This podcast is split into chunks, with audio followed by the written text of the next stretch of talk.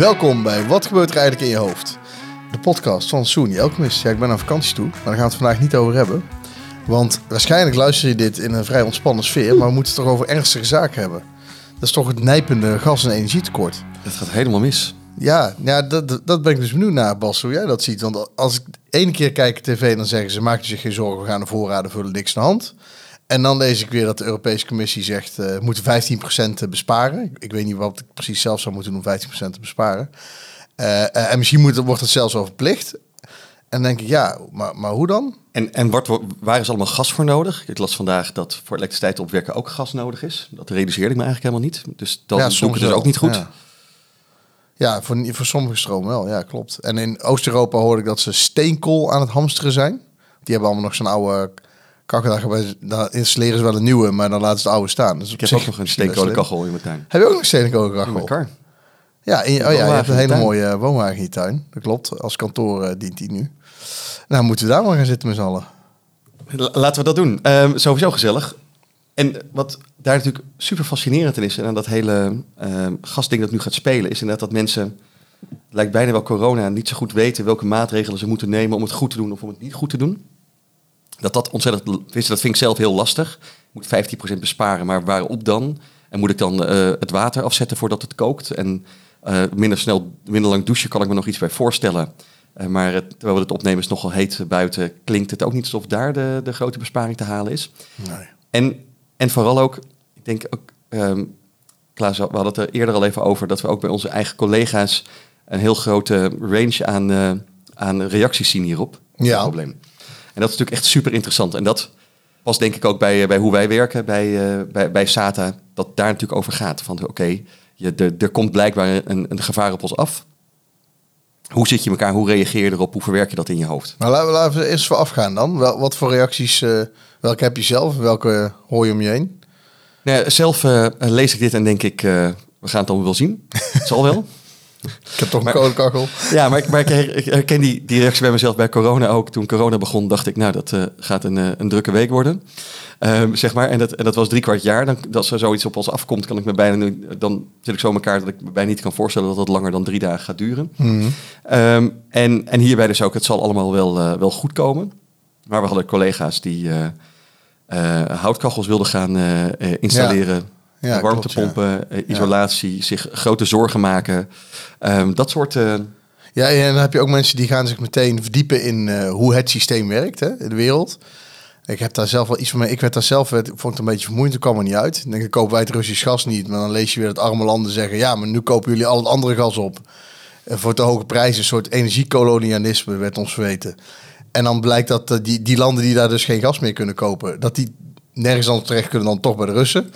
Dus ik denk, ja, dat heeft het al geholpen. voor 2,5 keer de prijs. Ja, dat Pakistan midden in een enorme hittegolf eh, ge- eh, de- geen, geen gas meer genoeg had om stroom om te wekken voor de airco. Zoiets. Denk, ja, dat is ook niet heel vriendelijk van ons. nee, hier werkt de airco wel. Iets minder warm.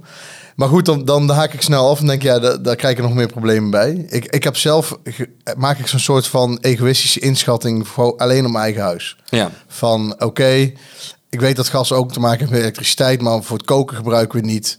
Hybride warmtepomp met een paar eh nou, airco's die ook kunnen verwarmen. Dus ik denk, voor de warmte kom ik nog wel mee weg met stroom. Maar dan denk ik, ja, voor douchen en bad voor de kinderen, dat wordt dan het grootste probleem. Maar ja, goed. eh, Ja, en het, en het interessante dus is, is hoe die reacties bij, eh, bij mensen werken. En eigenlijk, hoe, die, hoe verschillende reacties zijn, zie je natuurlijk bij mensen eigenlijk bij de reacties overal op. Iets, wat, iets wat dreigt, iets wat ze mooi vinden. En ehm, eh, om het ook even aan de kijkers eh, eh, uit te leggen. Wij bij uh, Soon Alchemist helpen mensen, helpen dus eigenlijk bedrijven om te snappen wat er echt in de hoofden gebeurt van mensen. Hoe ze op dingen reageren en hoe je daar op inspeelt. En dus ehm, en mensen wel zorgen dat ze snappen wat je aan het doen bent. Zorgen dat ze wel een binding met je krijgen. Zorgen dat ze wel het gedrag gaan vertonen dat je graag wilt. En hierbij zie je dus ook dat ehm, als je kijkt naar segmentatiemodellen, dan zijn er een paar factoren. Sorry, segmentatiemodellen zijn natuurlijk een soort groepen waarin je de samenleving kan onderverdelen. Ja. Een soort doelgroepen. En verschillende doelgroepen zijn eigenlijk altijd op een paar kenmerken te maken. Dat is, als het erop aankomt, zijn ze ik-gericht of zijn ze wij-gericht. Dus kiezen ze voor zichzelf of zijn ze meer bezig om voor de grote groep eh, te kiezen. En het gaat erom, zijn ze behoudend, zijn ze voorzichtig of zijn ze avontuurlijker ingesteld, zeg maar. En ik denk dat je, wat je hierbij ziet, is dat de mensen die avontuurlijker ingesteld zijn, zich minder zorgen maken dan de mensen die behoudend ingesteld zijn. Dus de behoudend ingestelde mensen zullen vaak sneller een risico zien. Dus die zijn nu al bezig met een houtkachel. Of dat nou de meest verstandige... Ja, dat is ik, behoudend en ik gericht. Want wie gaat er... ik- Dat is waar, ik- dat is waar, ja. Wie gaat er uiteindelijk dan ook echt korter douchen? Want dat is, wordt wel gezegd, maar... En, en ik, dus die rook gaat de hele wijk in. In plaats van dat je iets doet om wat duurzaam is, ben je dan alleen maar korte termijn je eigen belang aan het De hele veiligstellen. week, wijk weet dat het bij jou warm is. Dus Ja, ik het wel gezellig. En dus behoudend, wij zal dus eerder eh, nu voor de warmtepomp eindelijk die warmtepomp-investering doen en, eh, en dikke truien kopen. De, eh, de, de ik avontuurlijk denkt, het zal allemaal wel goed komen. En de wij avontuurlijk denkt, eh, wat denken jullie eigenlijk Ja, hierbij? ik korter douchen dan? Samen douchen. dat is misschien wel... eh, Die gaan allemaal op korfbal in deze tijd. Op korfbal, ja. Nee, ja, oké. Ja, ik denk dat het... Dat, want ik zie nu vooral... eh, of geruststelling, wat, wat best leuk is. Maar dan denk ik, ja, als, als er echt een probleem is straks... dan voel je je toch bekocht. Of eh, dat, dat, dat beroep op... eh, Dadelijk hebben we niet genoeg, of het wordt dan nog erger. Dus, want ik hoor wel dat ik korter moet douchen, maar waarom eigenlijk? Dat wordt me dan nooit zo duidelijk. Eh, nee, nou ja, waarschijnlijk om minder gas te gebruiken. Ja, maar, maar dat zit in mijn hoofd als in ja, want het is heel duur. Maar dan denk ik, het is een keuze. Ik weet dat het duurder is. Dus ik weet dat lang douchen nu duurder is dan een jaar geleden. ja, dus ik doe andere dingen minder dan. Maar ik heb niet het gevoel dat ik iets ga verliezen of zo als ik lang blijf douchen. Ik heb dan meer het idee, ja, oké, dus ik weet misschien dat we straks op, op de bond moeten. Ik weet niet hoe ze dat gaan doen. Of er dan een, ambt- of er dan een apparaatje bij je douche hangt of dat je na vijf minuten stopt, weet ik niet. Maar stel je voor, er komt echt schaars. Je weet niet zeker of, die, of je warm kunt douchen. En dan denk ik, ja, dan neem ik het er nog even lekker van, weet je. Ja, dat is natuurlijk super interessant. Inderdaad, omdat... eh, ehm, en ik ben er dus ook niet uit, maar als je als overheid hier nu op moet gaan ontwerpen, begint het wel met, denk ik, met de basisprincipes die we net bespraken. Dus Ja. snappen welke doelgroepen zijn er. En op die verschillende doelgroepen gaan eh, ontwerpen. Dus eh, mensen die, die zoals ik denken, het zal allemaal wel, hoef je momenteel niet bang te gaan maken. Of dat zul je, zeg maar, hoef je niet te gaan zitten op, als je dit niet doet, kan er wel eens dit gaan gebeuren. Dat, dan, dan denk ik, ja, dat zal dan allemaal wel. Maar er is in principe, hè, wij gebruiken het zelf ook wel eens, hè, dat, het concept van loss aversion. Dus dat je, dat je mensen er, erop wijst wat ze dreigen te verliezen als ze ja, het verkeerde doen of iets doen wat je, wat je niet Een beetje zo zo'n virusscanner. Als je nou de virusscanner niet downloadt, dan gaat je computer onder een virussen. Ja, precies. Dus dat, werkt vaak effectief. Maar waarom werkt dat voor, in jouw ogen eh, op dit onderwerp dan nu niet? Nee, voor deze doelgroep niet. Ehm, er zijn een paar factoren die daarbij echt heel belangrijk zijn. En een daarvan is ook het vertrouwen in de afzender. Dus als de overheid, ehm, het vertrouwen in de overheid is natuurlijk momenteel ehm, niet zo hoog op veel vlakken. En dus als die dat nu zeggen, eh, ik denk dat mensen nu in een fase zitten in de zomer. We hebben natuurlijk al zoveel van de overheid te horen gekregen wat we wel en niet mochten, dat mensen daar een beetje eh, immuun voor zijn.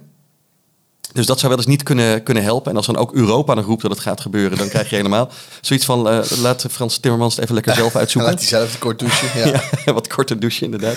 En ehm, dus, dus dat, maar aan de andere kant bij die mensen die die houtkachel wilden gaan, eh, gaan installeren, daar zal het eh, vast wel werken. Die mensen van het gezamenlijk douchen zullen er alleen maar blij van worden. Maar dan als overheid zul je dus op zoek moeten gaan naar andere manieren om, om mensen Ja. in deze boodschap, enthousiast voor deze boodschap te gaan krijgen. Want wat, wat mij wel opvalt bij de mensen die wel nu, hè, die, die je dan spreekt, die wel gaan kijken, ja, of van nou houtkachel of wat, maar die in ieder geval in de actiemode schieten, dat ze, dat ze het niet, ehm, de angst die ze hebben is niet hetzelfde wat, wat er gecommuniceerd wordt. Ze zijn niet bang voor het Europese gassysteem of tekorten in Europa. Ze zijn gewoon bang dat ze, zelf, dat ze het zelf koud hebben.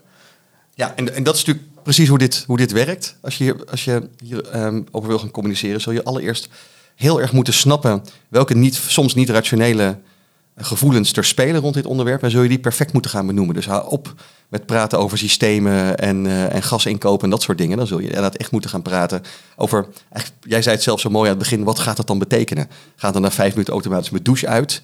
Wordt het gewoon onbetaalbaar? Kan ik daar een calculatie op maken? Heb ik de ene dag nog wel gas, de andere dag niet? Zoals ik wel eens in andere landen heb meegemaakt met elektriciteit. Dat je wijk ineens even geen elektriciteit meer heeft.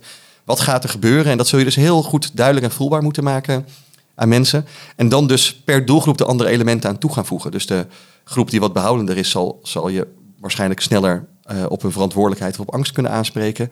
Bij mij zal het misschien beter werken als je me eh, laat zien wat ik kan winnen als ik het anders doe. Of laat zien dat we, als we het op deze manier doen, dat we dan Poetin een hak zetten. Dat ik enthousiast word voor een vijandbeeld erbij of zo. Dat dat zoiets, eh, dat, men dat, dat de enige manier om erachter te komen is heel veel proberen en doen. En, daar, en dan onderzoeken wat er werkt bij, bij doelgroepen, wat er wel en wat niet werkt. En waar mensen van in de benen raken. Maar dat is natuurlijk de grote uitdaging waar eh, ze nu voor staan. Maar ik geloof niet dat het, hoe het nu gaat, dat het ehm, eh, mega effectief is. Nee, je, je hebt trouwens, eh, dat, dat zouden wij dan forcing function noemen, hè, dat je het afdwingt. Je hebt landen waar het bij droogte zo is dat je echt een limiet hebt op het water wat je mag gebruiken. En als je dan gewoon via de watermeter wordt gewoon gekeken, je hebt, je hebt zo'n huishouden, dit is wat je hebt. En als je meer gebruikt, krijg je gewoon een dikke boete. En ik denk ehm, op korte termijn super effectief dat soort dingen. Bij corona hebben we natuurlijk eigenlijk hetzelfde ding. Als jij je niet laat vaccineren, kun je niet vliegen. Of kun je niet naar het Ja, moet je buitenland. testen extra. Ja, moet, of Ja. moet je extra testen of kon je, kom je niet binnen zonder coronabewijs. Ehm, dat zijn natuurlijk dingen die op korte termijn, denk ik, nou weet ik uit de cijfers dat dat een gigantische booster geweest is om een booster, booster, te halen. Maar op lange termijn mm, zorgt dat er, zeg maar, nu heb je er misschien als overheid wel last van bij een volgende coronagolf of bij zoiets als dit.